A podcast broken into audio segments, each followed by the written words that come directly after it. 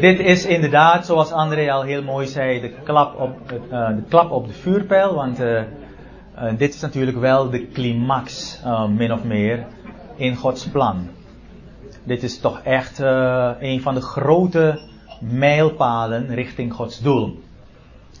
Um, voordat we van start gaan, voordat ik van start ga, wil ik even twee opmerkingen maken. De passages uit Gods woord die voorbij zullen komen die heb ik genomen uit schriftwoord.nl. Met wat kleine uh, uitzonderingen hier en daar. En ten tweede, mochten er vragen zijn, uh, vraag ik jullie uiteraard om dat te noteren zo snel mogelijk. Uh, om die te behandelen tijdens het volgende, tijdens de volgende vragenuurtje. Zodat die ook meteen aan bod zullen komen.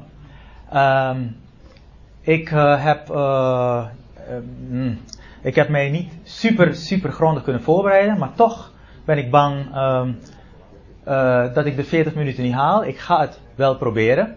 Laten we dus snel beginnen. Uh, laten we beginnen bij het, verschil. Mijn voorgangers, die hebben het al gehad over dood, opstanding uh, van de doden en opstanding uit de doden, vanuit tussen de doden uit. En toch wil ik even verschil aanhalen, want dit gaat over levendmaking. Nou, die opstanding is feitelijk, uh, noem het maar een algemeen begrip. Je hebt opstanding vanuit de doden, met hetzelfde aardse lichaam. Je hebt opstanding, uh, wat Gerard noemde de tweede opstanding. Opstanding ten oordeel, zal ik maar zeggen. Dat is uh, opstanding, dat is ook opstanding, maar dat is niet levendmaking. Dus opstanding is meer een wat algemene term. Je kunt opstaan terwijl je, je kunt opstaan in onvergankelijkheid, laat ik het zo zeggen. En dat is feitelijk een dubbelslag. En je wordt opgewekt uit de doden, en je wordt tegelijkertijd levend gemaakt. Want die levendmaking is in feitelijk een verandering. Dat is het sleutelwoord. De levendmaking aan zich, die daad, is een verandering. Want ook levende mensen, uh, zoals ook al is aangehaald in 1 Thessalonicense 4, ook overlevenden zullen levend gemaakt worden, namelijk ze zijn dan niet dood gegaan, maar ze worden wel in één klap veranderd. Goed. Uh, het Griekse woordje, by the way, uh, is sopoieo. Dat is dan leven maken. Dat is dus leven voorbij de dood. Leven waar de dood niet meer bij kan. Leven om nooit meer te sterven. Leven met hoofdletter L. Goed. Ik stel voor dat we enkele feiten gaan behandelen uit Gods woord. Met betrekking tot levendmaking, want daar gaat het over. Het is Gods geest die levend maakt. Dus God maakt levend door geest, door zijn geest. Dat zie je staan in en Johannes, 2 Corinthiërs en Johannes. De wet kan niet levend met hoofdletter L maken, want anders zou gerechtigheid uit wet mogelijk zijn. Dat is niet mogelijk. Gerechtigheid uit wet is niet mogelijk.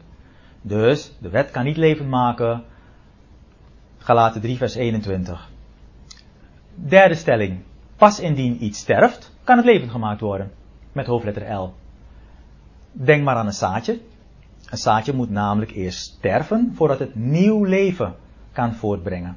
Heel belangrijk principe. Zeer belangrijk principe namelijk. Want als jij niet gelooft, een van de bullet points in 1 Korinthe 15, vers 3 en 4, namelijk dat Jezus ook gestorven is echt, dan kan je ook nooit geloven dat hij echt is opgestaan in nieuwheid van leven. Dat is een heel belangrijk principe dus. Christus werd ter dood gebracht in het vlees en levend gemaakt in geest. Dat staat in 1 Petrus. Het is God, zoals feitelijk al in het eerste punt staat, het is God die de doden levend maakt. Laten we enkele passages uh, doorlopen. Want net zoals de Vader de doden wekt en levend maakt, zo ook maakt de Zoon levend wie hij wil. De, de passages zie je erachter, dus die noem ik dan niet. Hè. Zo is het ook geschreven. De eerste mens Adam werd tot een levende ziel. Denk maar aan Genesis 2, vers 7, hè, de bekende tekst. Uh, Goswin heeft al heel mooi uitgelegd wat ziel is. De laatste Adam tot een levendmakende geest. Dus niet alleen de levende God, zoals Andreas zei, maar God maakt ook levend. Hij geeft leven. Met hoofdletter L. En weer komt hij langs. En het is dan eh, viermaal is scheepsrecht in dit geval. Want net zoals in Adam allen sterven, niemand uitgezonderd dus, zo zullen ook in Christus allen levend gemaakt worden. Ik hoef daar niet over uit te wijden. Indien de geest van hem, die Jezus wekt uit doden in jullie huist, zal hij, die Christus Jezus uit doden wekt, wie is dat? De Vader, God de Vader, ook jullie sterfelijke lichamen levend maken door zijn geest die in jullie inwoont. Hopelijk tot nu toe duidelijk. Laten we gaan naar een praktisch voorbeeld op aarde, maar uiteraard wel met betrekking tot levendmaking. Hè? Namelijk de opstanding van Jezus. Namelijk voordat hij ten hemel voer, de hemelvaart, toen hij aan zijn discipelen verscheen. En, ik ga gewoon lezen, en bij het spreken over deze dingen stond Jezus in hun midden en zegt tot hem, tot hen, vrede met jullie. Nogmaals, hij stond plotseling in hun midden. Hij was er niet. Plotseling was hij er. Dat is alvast een uh, indicatie van wat een hemels lichaam inhoudt. Een levend gemaakt lichaam. En verschrikt wordend en zeer bevreesd wordend, want ze zien plotseling Jezus verschijnen in de midden, meenden zij een geest te aanschouwen. En hij zei tot hen, waarom zijn jullie verontrust? En waarom komen redeneringen op in jullie harten? Neem mijn handen en voeten waar. Kijk maar naar ze. Dat ik het zelf ben. Betast mij en neem waar dat een geest geen vlees en beenderen heeft. Zoals jullie aanschouwen dat ik wel heb. En dit zeggend laat hij aan hen de handen en de voeten zien. Maar toen zij van vreugde en verwondering nog niet geloofden, zei hij tot hen, hebben jullie iets eetbaars in deze plaats? Hij wil kennelijk iets demonstreren. En ze overhandigen aan hem een deel geroosterde vis en het nemen at hij het terwijl ze keken in hun zicht. Hè? Demonstratief feitelijk. Hij liet ze zien, een geest gaat geen geroosterd vis eten. Toch? Dus duidelijk kan je zien dat een hemels, een verheerlijk, een levend gemaakt lichaam uh, niet een geest is. Zal ik maar zeggen. Laten we kijken naar een hemels voorbeeld. We hebben het over diezelfde Jezus nu. Maar die verscheen aan Paulus. We gaan alle drie de versies behandelen. De eerste is in Handelingen 9. En bij het gaan kwam hij, Paulus, Saulus, sorry, naderend tot Damascus. En plotseling flitst rondom hem licht uit de hemel. En vallend op de aarde hoort hij een stem tot hem zeggend: Saul, Saul, waarom vervolg je mij? Verderop, dezelfde, hetzelfde, dezelfde gebeurtenis anders verhaald uh, door uh, Paulus. En het gebeurde nu, tot mij, bij mij gaan en naderen tot Damascus komend, rond het middaguur. Plotseling flitst uit de hemel een aanzienlijk licht rondom mij en ik val bovendien op de grond en ik hoor een stem en tot, tot mij zeggend, Saul, Saul, waarom vervolg jij mij? En verderop vertelt hij hetzelfde verhaal weer aan koning Agrippa, handelingen 26. Midden op de dag, op die weg, koning, nam ik een licht waar uit de hemel, boven de schittering van de zon. Dat ging de schittering van de zon te boven. Mij omstralend en op die samen met mij gaan. En wij allen vallen neer op de aarde. En ik hoor een stem tot mij spreken in de Hebreeuwse omgangstaal. Saul, Saul, waarom vervolg jij mij? Het is voor jouw hart tegen de stekels te trappen, kennelijk. Stukje humor erbij. Dat is er straks dus ook weer, hè? Goed, um, laten we kijken naar. Uh, ik hoop dat jullie al een beetje indicatie krijgen van wat er aan de hand is met levendmaking, maar we gaan er uiteraard veel verder op in. Laten we kijken naar uh, een ander lichaam. We gaan gewoon een hele bekende passage goed doorlezen. Uh, waar nodig is, zal ik wat toelichting geven. 1 Korinthe 15. Uh, dat is al eerder vermeld, dat daar eigenlijk het hoofdstuk is dat wordt, waar wordt gesproken met name over opstanding, maar vooral ook over levenmaking. Dus wat voor soort lichaam krijgen wij? Ik zeg wij, iedereen uiteindelijk. Goed, we beginnen bij vers 37. En wat jij zaait, Wat je zaait, dat is namelijk dit lichaam waarin we nu zijn. Een tijdelijk lichaam, wat ook tabernakel wordt genoemd, tijdelijke behuizing. Dat is niet het lichaam dat zal komen. Maar jij zaait een naakte zaadkorrel, als bijvoorbeeld van graan of van de overigen. Maar God geeft er een lichaam aan zoals hij wil. En aan ieder van de zaden een eigen, unieke lichaam dus. Vers 39. Niet alle vlees is hetzelfde vlees. Maar er is zeker ander vlees dan van mensen, ander vlees dan van beesten, dan van gevleugelden en dan van vissen. Wat zegt Paulus hier? Feitelijk zegt hij dat zelfs het aardse vlees, het vlees dat we kennen al, verschillend is. Vlees van kippen is weer anders dan van koeien. Dat is wat uh, roder vlees die van koeien, van kippen is witter vlees. Visvlees is weer anders, mensenvlees is weer anders. Die heb ik niet geproefd, maar is weer anders. Het is allemaal aardvlees. Toch? Dus met zelfs aardvlees verschilt. Maar daar komen we zo meteen op. Vers 40. Er zijn hemelse lichamen en er zijn aardse lichamen.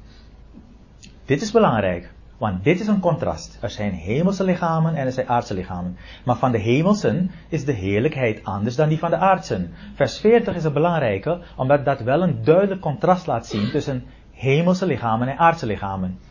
Maar dan gaat het verder. Vers 41 zegt, de heerlijkheid van de zon is anders en de heerlijkheid van de maan is anders, van de sterren is anders en van de ene ster gaat de andere in heerlijkheid te boven. Nu, vers 41 spreekt ook over anders. Maar, denken jullie dat er verschil is tussen de anders van vers 40 en de anders van vers 41? Natuurlijk is er verschil. Want die van vers 40 is een gigantisch groot verschil. Aards en hemels is een heel groot contrast. Die van vers 41 is wat minder verschillend. Namelijk anders, maar van een soortgelijke aard. Ik ga het verder toelichten. Aards versus hemels en hemels versus hemels. feitelijk is ook al behandeld aards versus aards, namelijk de vissen, de koeien, de kippen, de mensen, anders vlees, ander vlees op aarde. Nu gaan we deze twee behandelen. We gaan kijken naar het Griekse woordje. Aardse lichamen verschillen dus in heerlijkheid van hemelse lichamen. Dat is het contrast. Die zijn van een heel ander karakter. Dat is dus vers 40. Aards, dat, komt van het woordje epigeos. epi of ep betekent op, altijd. Op. Geos is dan land. Dus aards betekent feitelijk op, de aar, op aarde, oftewel op het land. Hemels, dat komt van het Griekse woordje eporanios. hemels is oranos. Oranios is hemels. Hemelen is oranos. Nou, ep is dus weer op. Hou vast. Dat is wel belangrijk. Want het is van toepassing om te snappen um, waarom ook deze lichamen die de eerstelingen die van Christus zijn krijgen, waarom het lichaam ook nodig zal zijn. Om namelijk bepaalde dienst te verrichten in een bepaalde omstandigheid, in een bepaalde omgeving. Daarom zijn die lichamen ook nodig. Tenminste voor die periode uh, waar het soms betrekking op heeft. Goed, het woordje anders, dat is een hele belangrijke, want er staat in vers 40 het Griekse woordje heteros. Heteros betekent anders, maar van een heel ander karakter. Aards, hemels, die twee zijn anders. Van een heel ander karakter, dat is heteros. Dat is een andere betekenis dus. Want die andere, de hemelse lichamen, die verschillen ook in heerlijkheid, maar die zijn soortgelijk. Die zijn ook anders dus, maar die zijn anders van een soortgelijk karakter. Daar staat dus een ander Griekse woordje met, een ander Grieks woordje met een andere betekenis, namelijk allos. Niet vergeten, in het Grieks en Hebreeuws, een woord heeft maar één grondbetekenis. Dus dit zijn echt twee betekenissen. Twee soorten anders, zal ik maar zeggen. Kijk maar in Galaten 1, vers 6 en 7, die zijn natuurlijk, een bekende tekst, waarin staat dat die Galaten zich lieten verleiden tot een ander evangelie dat geen ander is. Ja toch? Bekend hè? Nou, dat andere evangelie is uh, heteros. Dat is van een heel ander karakter. En ik ga Goswien zijn kleuren gebruiken. Ik noem het een paars evangelie. namelijk een mengevangelie. Terwijl er toen twee legitieme evangeliën waren, namelijk van de besnijdenis en van de voorhuid, oftewel de onbesnijdenis door Paulus. En de eerste door de twaalf. En die twee werden vermengd. De eerste is rood, de andere is blauw. En samen werd het paars, en dat is een heel andersoortig evangelie. Niet legitiem, mengevangelie. Wordt vandaag à la dol gepredikt. Dus, dat is hetzelfde, dat zijn dezelfde twee woordjes, heteros en allos, gebruikt. Goed. Uh, levendmaking. We gaan verder met uh, 1 Korinthe 15. Zo ook, vers 42, zo ook uh, is de opstanding van de doden. Er wordt gezaaid in vergankelijkheid, dit zijn die contrasten. En er wordt gewekt in onvergankelijkheid. Er wordt gezaaid in oneer. En er wordt gewekt in heerlijkheid. Dat vind ik een mooi contrast, hè? Je ziet oneer staan in heerlijkheid. Kortom, heerlijkheid is eer. Ja, toch? Dat zie je toch? Dat is een contrast. Er wordt gezaaid in zwakheid, sorry. En er wordt gewekt in kracht, oftewel macht. Zijn niet helemaal hetzelfde, maar goed. 44. Er wordt een zielslichaam gezaaid en er wordt een geestelijk lichaam gewekt. Dat contrast zie je vaker ook. Hè? 1 Korinthe 2 zie je het ook weer staan. Ziels en geestelijk. Hè? Zielsdenken en geestelijk denken. Echt twee, groot contrast. Indien er een zielslichaam is, dan is er ook een geestelijk lichaam.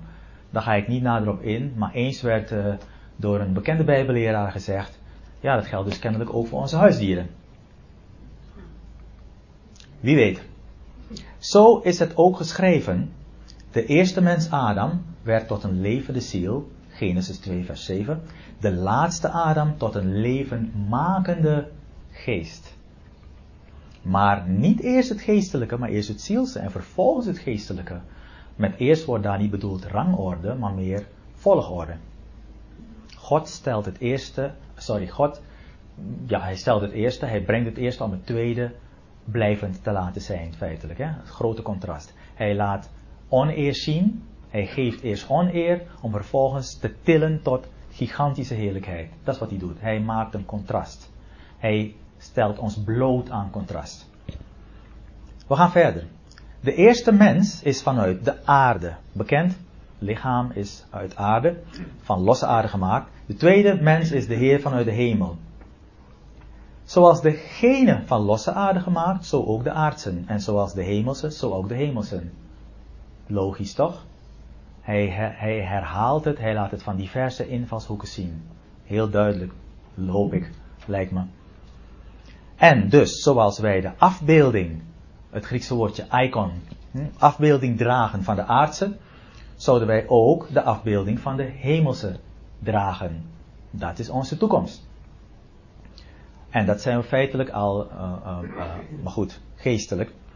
En dit zeg ik met nadruk, broeder, dat vlees en bloed niet het koninkrijk van God als lotdeel ontvangen.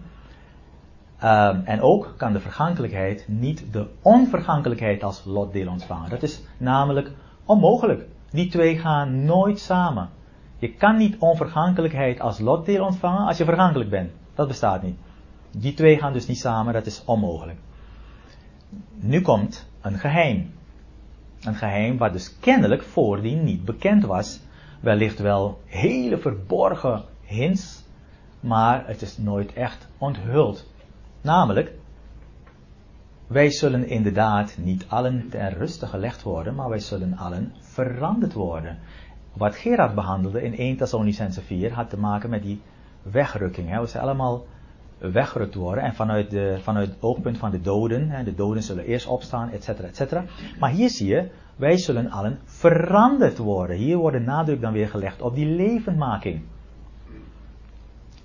En het zal gebeuren in een oogwenk. In een ogenblik, in de knippering van het oog, bij de laatste bazuinstoot. Want hij zal de bazuin blazen en de doden zullen onvergankelijk, onsterfelijk dus, gewekt worden en wij zullen veranderd worden. Dit is fantastisch. Alleen dit al schitterend. Goed, we gaan verder. Want het is voor dit vergankelijke bindend om onvergankelijkheid aan te trekken. Het moet dus aangetrokken worden. Hè? Sterfelijkheid, sterfelijkheid moet onsterfelijkheid aantrekken. Het is bindend. Het moet. Waarom? Dat gaan we straks zien. Waarom? Het is het doel van God. We gaan het straks zien. Uh, en wanneer ook maar dit vergankelijke onvergankelijkheid zou aantrekken, dit sterfelijke onsterfelijkheid zou aantrekken, dan zal het woord waar worden, dat is geschreven. De dood werd opgeslokt tot in de overwinning. Dit is fantastisch. Want het moment dat je die onvergankelijkheid aantrekt, zeg maar, het wordt jou feitelijk aangetrokken, dan wordt hetgene wat is omkleed, wordt feitelijk opgeslokt door hetgene wat overkleedt. Dan is alles weg. Alle vergankelijkheid is in één klap weg. Dus, waar dood is jouw overwinning? Waar dood is jouw stekel? Klinkt, het klinkt bijna bullebakkerig, hè? De stekel nu van de dood is de zonde en de macht van de zonde is de wet. Jullie hebben dat wel? De dood is de voedingsbodem waarop de zonde kan groeien. Zo moet je dat zien, die relatie tussen dood en zonde. Hè? De zonde groeit op een voedingsbodem, een dankbare voedingsbodem, namelijk dood. En wet is, kan je zeggen, het, de groeivoer van de zonde. Wet zorgt ervoor dat zonde nog sterker wordt, nog meer kan groeien, nog machtiger wordt en ga zo maar door. Als je het zo onthoudt, dan heb je een beetje die relatie te pakken, denk ik. Maar dank aan God die ons, aan die ons de overwinning geeft door onze Heer Jezus Christus. Daarom, mijn geliefde broeders, wordt bestendig onverzettelijk overvloedig zijn in het werk van de Heer.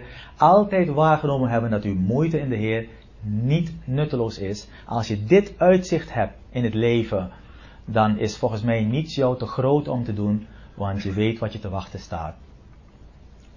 Laten we kijken naar enkele kenmerken van een aards lichaam. Goed, het is feitelijk misschien een beetje open deur trappen, maar uh, je ziet het staan, hè? Het, het, dient, uh, het heeft behoefte aan onderhoud. Behoorlijk, behoorlijk ook. Als je het vergeet, dan treedt het verval nog veel sneller op. Je gaat het verval niet kunnen tegenhouden met deze middelen, maar uh, je kunt het misschien een beetje, beetje, beetje onderhouden. Zielslichaam. Wat houdt het in? Vlees plus beenderen plus bloed. Ja toch? We hebben nu een zielslichaam. Het bestaat uit deze drie componenten, zal ik maar even zeggen. De ziel, is bekend, is in het bloed. Bloed is dus het component wat het lichaam corrupt, oftewel bederfelijk maakt. Bloed is hetgene, maar we kunnen niet zonder bloed nu. Anders gaan we dood. Dus, geniaal. Zoals God heeft ontworpen. We zijn gevangen in nederigheid. Onze Heer, in zijn levend gemaakt lichaam, we hebben een stukje Lucas gelezen net, die heeft geen bloed. In zijn levend gemaakt lichaam staat in Lucas 24, vers 39. Hij heeft feitelijk ook het gezegd: hè? Ik heb een lichaam van vlees en beenderen. Dus het aardslichaam wordt ook gedomineerd door dood. En de uiting daarvan zie je terug in bederf, corruptie, verval. We worden ouder en we gaan onherroepelijk dood. Dat is, het, dat, dat is nou net die nederigheid waarin de mensheid uh, gevangen is. Wie kent de kleur van de zonde? Iemand? Ja, scharlaken, rood, perfect. En wat is de kleur van bloed? Oeps. Oftewel, ja, rood is die kleur. Rood is toch echt de kleur. En dat staat in Jesaja 1, 1 vers 18 ook heel mooi. Hè? Als zouden uw zonden zijn als galaken, als karmozijn, ze worden wit als, et cetera, et cetera. Het is natuurlijk geen toeval. Laten we kijken naar het hemelslichaam. Wat zijn daar de kenmerken van? Er is al genoemd vlees en beenderen, toch? Maar is er nog iets anders in plaats van bloed of niet? Wie oh wie? Lucht. Ik zou toch een ander woord willen horen. Geest, ja. Volheid van geest zou ik eerder zeggen, bij wijze van spreken. Volheid van geest. Er zal geest door onze aderen stromen. Ja, echt wel. Geest, denk maar aan energie. Ongelofelijke energie. Komen straks op.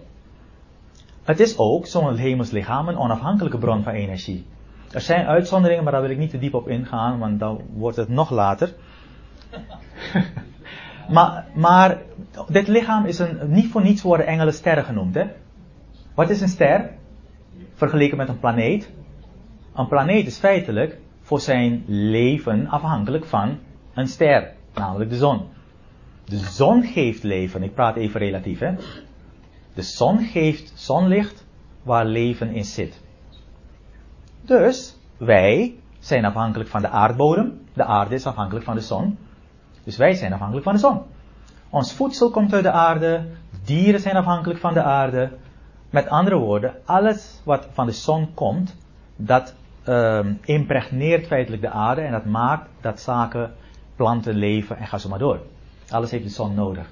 En wij leven weer in die zin indirect van de zon. We eten voedsel, maar voedsel is feitelijk energie. Toch? In een bepaalde vorm. Toch? Dat eten wij. Straks niet meer. Het is een, wij zullen zelf energie zijn. Oftewel, energie zal door ons lichaam stromen. We hebben dat niet meer nodig. Het is niet meer nodig. Maar we kunnen wel eten als we willen, zoals Jezus het grootste de vis at. Kan, maar hoeft niet. We zijn er niet meer van afhankelijk. Die behoefte is er niet meer. Zo moet je dat zien. Het is onafhankelijk. Denk maar aan kracht. Denk maar aan snelheid. Denk maar aan licht. Denk maar aan flexibiliteit.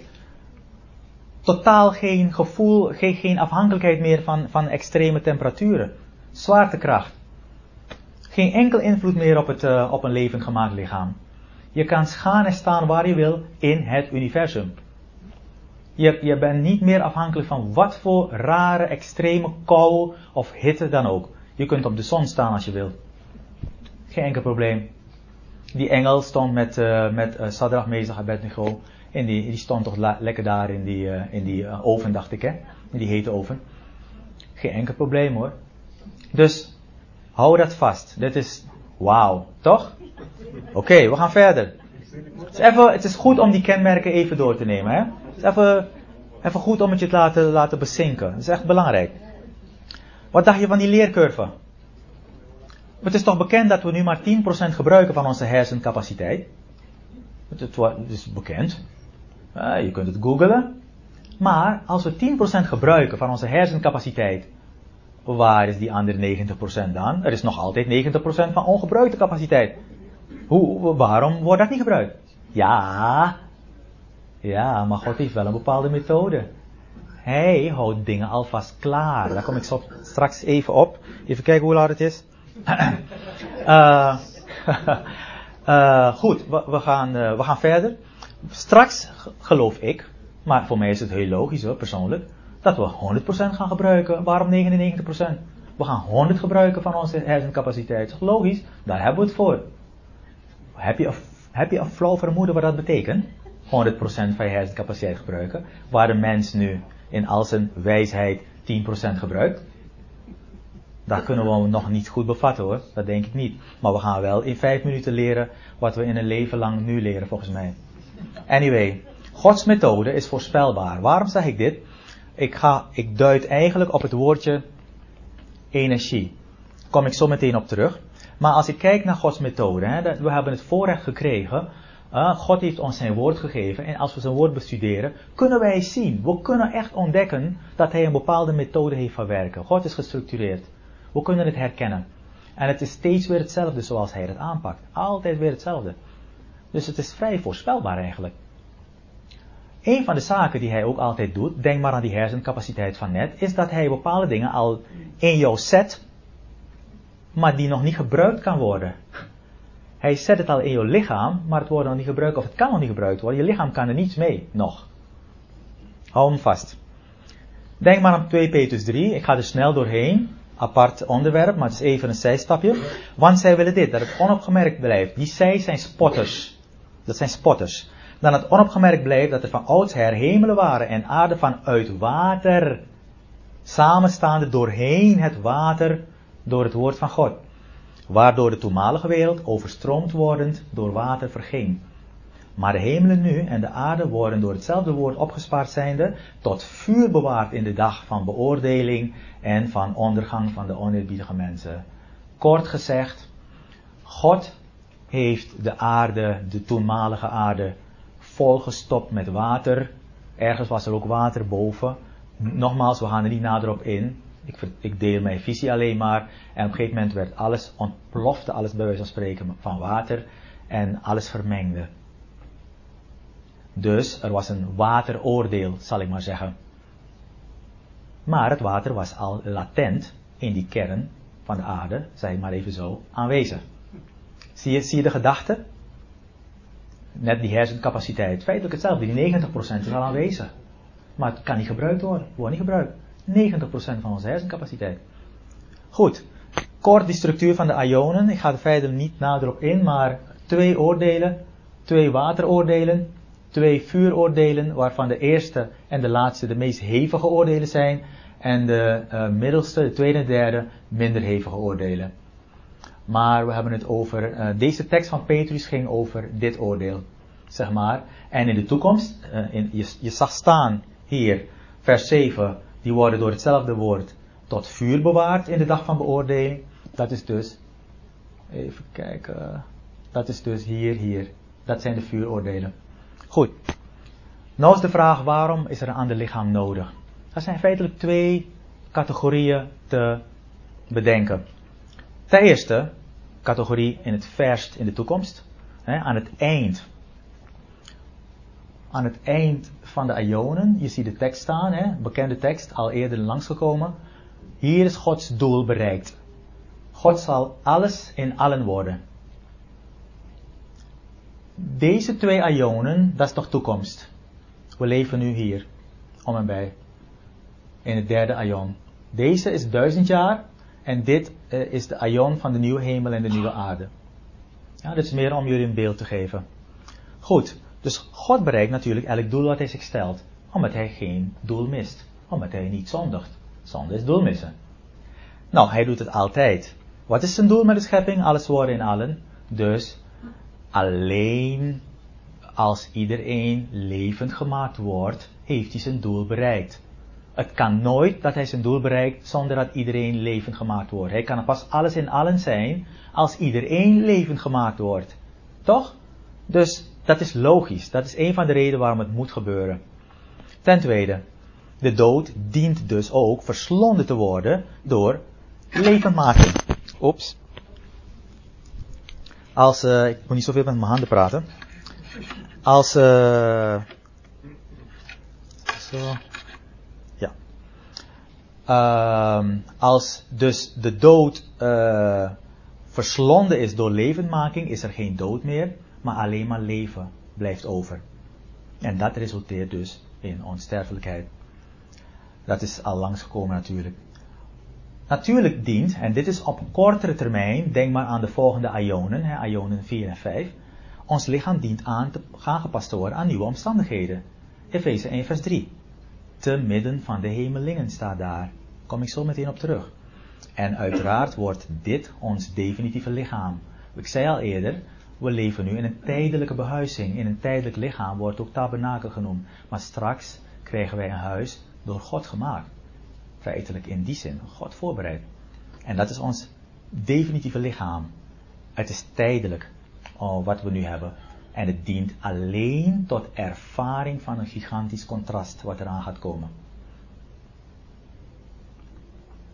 Nou, um, laten we kijken naar een belangrijke tweedeling. Dus meer om te illustreren.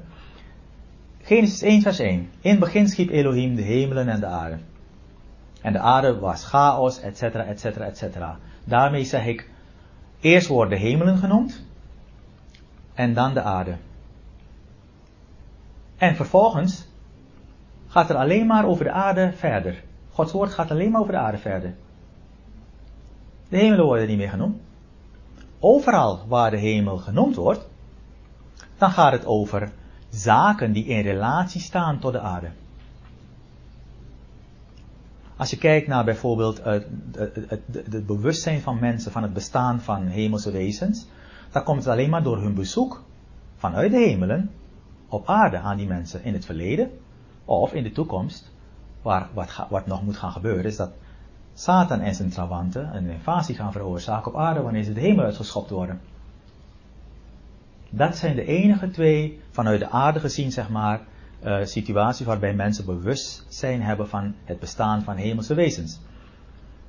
Nou, als je kijkt naar uh, uh, de, de aarde zelf, hè, de, de, de schrift zoals die over de aarde praat, was er alleen maar focus op herstel van de aarde. anticipatie op het millennium koninkrijk, nieuwe schepping, dat lees je alleen maar. we, we, hebben het over het volk Israël, want die hadden die verwachting. Er is nooit zelfs een hint gegeven richting hemelse bestemming eerder. Nooit. De uitspraak naar de hemel gaan was totaal onbekend. Niemand wist daar wat van. Niemand was daarmee bezig. Men verwachtte gewoon een lotdeel op aarde. Fysieke, zielse zegeningen op aarde. Denk maar aan een goed klimaat, een ideaal klimaat. Vruchtbare grond, een lang leven. Geen geboorteweeën, heerlijk voedsel, gezond voedsel, overvloed. Daar moet je aan denken. Zielse zegeningen, zielsgenot. Tot zover hopelijk duidelijk. Maar het is Paulus die dat geheim bekend mocht maken. Een groot geheim. Dat er ook nog een andere groep is. Een nieuwe groep mensen met een andere roeping in een hele andere omgeving tussen de hemelingen. Laten we kijken naar wat, wat dat betekent tussen de hemelingen. Efeze 3 vers, uh, 1 vers 3. Gezegend is de God en Vader van onze Heer, die ons zegent met alle geestelijke zegening, uh, zegen tussen de hemelingen in Christus. Die uitspraak tussen de hemelingen, hoe komt men daaraan? Hoe komt men daaraan? Want er staat in andere vertalingen, in hemelse plaatsen, in heavenly places staat er in de King James. Maar als je gaat ontleden, heel kort, het Griekse, eh, het Griekse woordje en wordt vertaald met tussen als het onderwerp meervoud is. Als je kijkt naar ho, de, is bekend, maar weer, wat ik al eerder heb genoemd, Oranius en die app daarvoor, dat is de ophemelsen. Ophemelsen, dus op hemelse lichamen, net zoals wij op het aardse lichaam zijn, op aarde zijn. Leven zij, kennelijk, die wezens, op de hemelse lichamen. Planeten, sterren in de verste merkwegstelsels, waar een telescoop niet kan komen. Um, en Jezus wist het al. Want al eerder zei hij tegen Nicodemus, indien ik tot jullie de opaardse dingen zei, en jullie geloven niet. Hoe dan zullen jullie geloven in het geval dat ik jullie de ophemelse dingen zal zeggen? Hij heeft daar natuurlijk ook niets over vermeld. De wetenschap, die zoekt al jaren te vergeefs naar bewoonbaarheid hè, buiten de aarde. Ze doen van alles, maar ze maken een grote fout. Ze bekijken het vanuit de menselijke invalshoek. Ze proberen altijd te kijken, ja, maar Mars, ja, dat, dat heeft wel condities die soms op de aardse condities lijken. Um, Venus, het zou beter kunnen zijn, maar daar hebben we het oppervlakte nog nooit van gezien. En ga zo maar door, hè. Jupiter, uh, Saturnus, daar kan je je voet niet eens optillen van zwaarte. Mercurius is te heet, Uranus en Neptunus te koud. Dus, hoe denken ze? Ze denken vanuit ons menselijk lichaam. Vanuit onze menselijke beperking. En op zich terecht, daar is niets mis mee, want meer weten ze niet. Toch? Wij weten meer vanuit Gods woord. Dat is het voorrecht wat we hebben. Maar mensen kunnen zelfs op veel aardse plekken niet eens leven. Hè? Mensen zoals we nu zijn. Ga maar, ga maar op de top van de Mount Everest leven als je kunt. Of in, op de bodem 10 kilometer diep van, uh, van, groot, van de grote oceaan. Ga maar leven daar. Gaat je die lukken, denk ik. Dus ook op aarde zijn er genoeg plekken waar de mensen niet kunnen leven. Denk maar aan temperatuur. Ga leven op een plek waar 100 graden Celsius is. Of min 100 graden Celsius. Je ziet het, hè? Wat ik al eerder zei, de mens is gevangen in nederigheid. En zo wil God het. Dat is de hele bedoeling om straks het contrast fantastisch uit te laten komen. Daar komt het op neer. God kent dus geen limiet. Hij heeft het zo gemaakt, hij heeft het zo gesteld. Nou, hemelse wezens, hebben we al eerder genoemd, geen ze hebben geen last van omstandigheden in het universum, geen enkele last. Ze kunnen wonen in de verste stelsels. Ze, kunnen, ze worden niet voor niets vergeleken met sterren, hè, dat heb ik al eerder genoemd. Dat zijn feitelijk levende zonnen. Hè.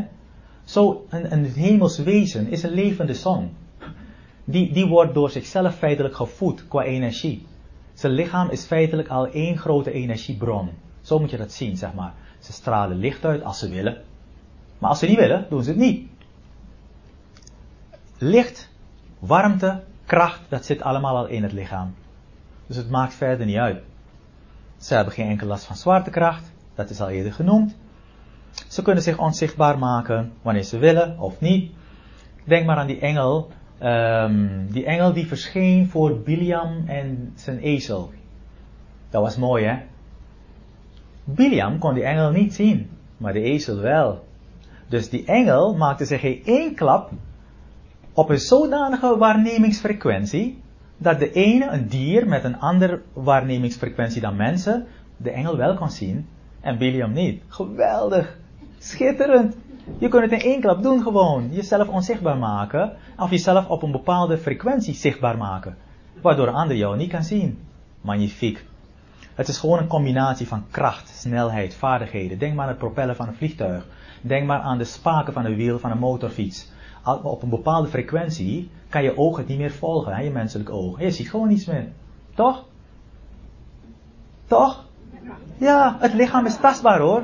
Een, een lichaam van een engel is tastbaar. Een lichaam van een hemelswezen is tastbaar. Maar hij kan zich onzichtbaar maken, dat is het hele ding. Sterker nog, hij kan ook door een muur lopen.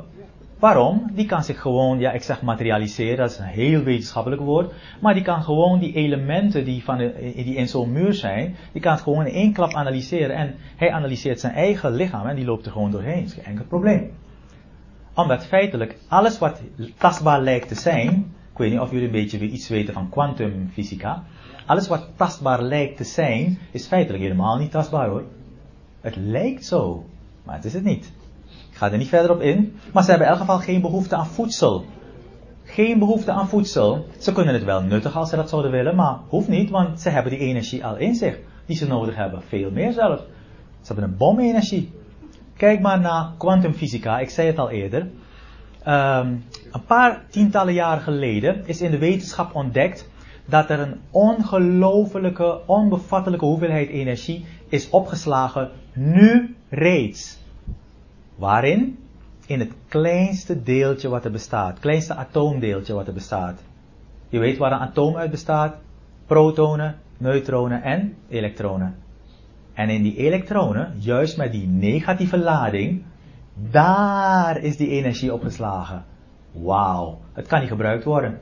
Het kan niet gebruikt worden, het kan niet benut worden, maar later in een aangepast lichaam dat daartoe geschikt gemaakt is, wel. Fantastisch. Dat staat hier. Gigantische hoeveelheden. Zulke grote hoeveelheden dat als het beschikbaar zou komen, dan zou het voorzien in alles. Alles wat nodig is om ons te transformeren tot wezens die alle zwaartekrachten kunnen overwinnen. Extreemste temperatuur met gemak verdragen. Uh, je kunt leven zonder stuurstof of wat voor stof dan ook uit de aarde. Zo moet je dat zien. Dat is allemaal mogelijk. Ons lichaam zal dus geschikt zijn, dat nieuwe lichaam, levend gemaakt lichaam, om deze energie te kunnen aanwenden. Nou, um, en er zijn natuurlijk genoeg gebieden waar ik nul van weet. Hè? Dit is alleen maar waar ik een beetje van weet en dat deel ik met jullie. Het lichaam is nooit meer corrupt, nooit meer bederfelijk, maar dat is feitelijk al genoemd. De dood is voorbij, komt nooit meer terug. Het is een en al verheerlijking, eer, glorie, kracht en geest. Het is dus geen aardslichaam meer, maar een hemelslichaam meteen aangepast aan die hemelse omstandigheden waar we straks dienst gaan doen. En wat voor dienst? Zegen zijn voor anderen, want daar gaat het om. Hoe mooi het hemelslichaam ook is, hoe mooi het levend gemaakt lichaam ook is, onze grootste zegeningen krijgen wij door tot zegen te zijn voor anderen hoor. Niet door het, van het lichaam te genieten, Nee, we gaan, we gaan tot zegen zijn voor anderen. Dat is ons grootste genot. En niet alleen in hemelse plaats, maar ook tussen de hemelingen. We gaan tot zegen zijn voor die hemelingen. En dat zijn er gigantisch veel. Zij die op de hemelse lichamen zijn, zoals ik al eerder zei, zoals wij dus op de aarde zijn. De grootste zegen voor ons is niet om ergens te zijn, maar om in een positie te zijn van uitdelen van Gods overvloedige rijkdom, van zijn genade volgens Efeze 2, vers 7. En wie zijn dan die hemelingen? Heel kort. Nou, uh, net, zo, uh, net, zoals op aarde heb je diverse niveaus van regering hè? in de hemelen. Uh, niet om het, we gaan er niet diep op in, maar je hebt, er wordt gesproken over soevereiniteiten, autoriteiten en er staat dan machten en overheden. Efeze 1. Dat zijn zeer intelligente wezens, rationeel, machtige wezens, relatief, maar ook opstandig. Ze zijn vervreemd van God. Ze hebben wel de capaciteit om van hem te genieten, maar ze zijn vervreemd. Ik ga er niet op in verder waarom dat zo is, maar ze zijn nu vervreemd en daarom hebben ze nodig te weten die overvloedige rijkdom van Gods genade. En ze moeten niet verward worden met engelen. Engelen zijn boodschappers. Engelen zijn boodschappers. Engelen zijn hun boodschappers. Deze wezens zijn hoger in rangorde dan engelen. Als je kijkt naar het aantal engelen, openbaring 5 vers 11, dan zie je iets daarover staan. Tienduizenden van tienduizenden en duizenden van duizenden. Wauw, dat zijn honderden miljoenen. Alleen die engelen, hè? Maar ja, als je bedenkt dat één boodschapper uh, dienst kan doen, nou helemaal met zo'n hemelslichaam, voor heel veel andere hemelingen, één boodschapper, nou dan kan je voorstellen dat het aantal hemelingen ontelbaar veel groter is. Wat wij moeten onthouden hier uit deze les is, mijns inziens, onze bediening zal een hele grote zijn. Een hele grote, een hele verheerlijkte bediening. En het zal een aantal hemelingen bereiken dat ver, ver ligt buiten ons huidig bevattingsvermogen. Ons lichaam zal zijn als zijn lichaam. Wiens lichaam? Het lichaam van Christus Jezus. Ik kan weer zeggen, wauw. Dit is zo'n eer. Dit is zo'n wauw. Dit is fantastisch. Filippenzen 3, vers 20 en 21. Want ons burgerschap is in de hemelen van waaruit wij, ook wij, de redder afwachten, de Heer Jezus Christus, die het lichaam van onze vernedering een ander aanzien zal geven, gelijkvormig aan het lichaam van zijn heerlijkheid, overeenkomstig de inwerking welke hem in staat stelt het al aan zichzelf te onderschikken. Snappen jullie wat hier staat? Het woordje inwerking komt van het Griekse woordje energia. Welk woordje herkennen jullie? Ja, diezelfde energie die Jezus in staat stelt het al aan zichzelf te onderschikken. Met diezelfde energie wordt ons lichaam veranderd, jongens, jongens, jongens. Come on. Dit is wow. Laat het goed inwerken. Dit is ongelooflijk. Dit is onze verwachting, hè? Dit is onze verwachting. Dit is een ongelooflijk vooruitzicht hoor. Dat is levendmaking en onsterfelijkheid. Dus als wij praten over superhelden, dat zag je al in de aankondigingssheet. Superman, X-Man, Batman. Dat is nu een kinderspel, toch? Hopelijk. Hopelijk is het nu kinderspel, toch? Hè? Is kinderspel, toch? Dat is toch een lachertje. Die dingen zijn alleen, die, deze figuurtjes zijn figuurtjes. Alleen maar vanuit onze menselijke bevattingsvermogen. Maar wat wij tegemoet gaan is, daar zijn deze echt speelgoeddingetjes bij. Wie is gesteld tot de enige superheld? Want dat is de vraag. Natuurlijk, onze Heer. Onze Redder. Colossense 3 vers 4, daar wil ik ook mee eindigen. Wanneer Christus ons leven onthuld zal worden, dan ook zullen jullie samen met Hem, wauw, onthuld worden in heerlijkheid. Dit is onze verwachting. Wacht maar totdat wij gemanifesteerd worden. Dankjewel.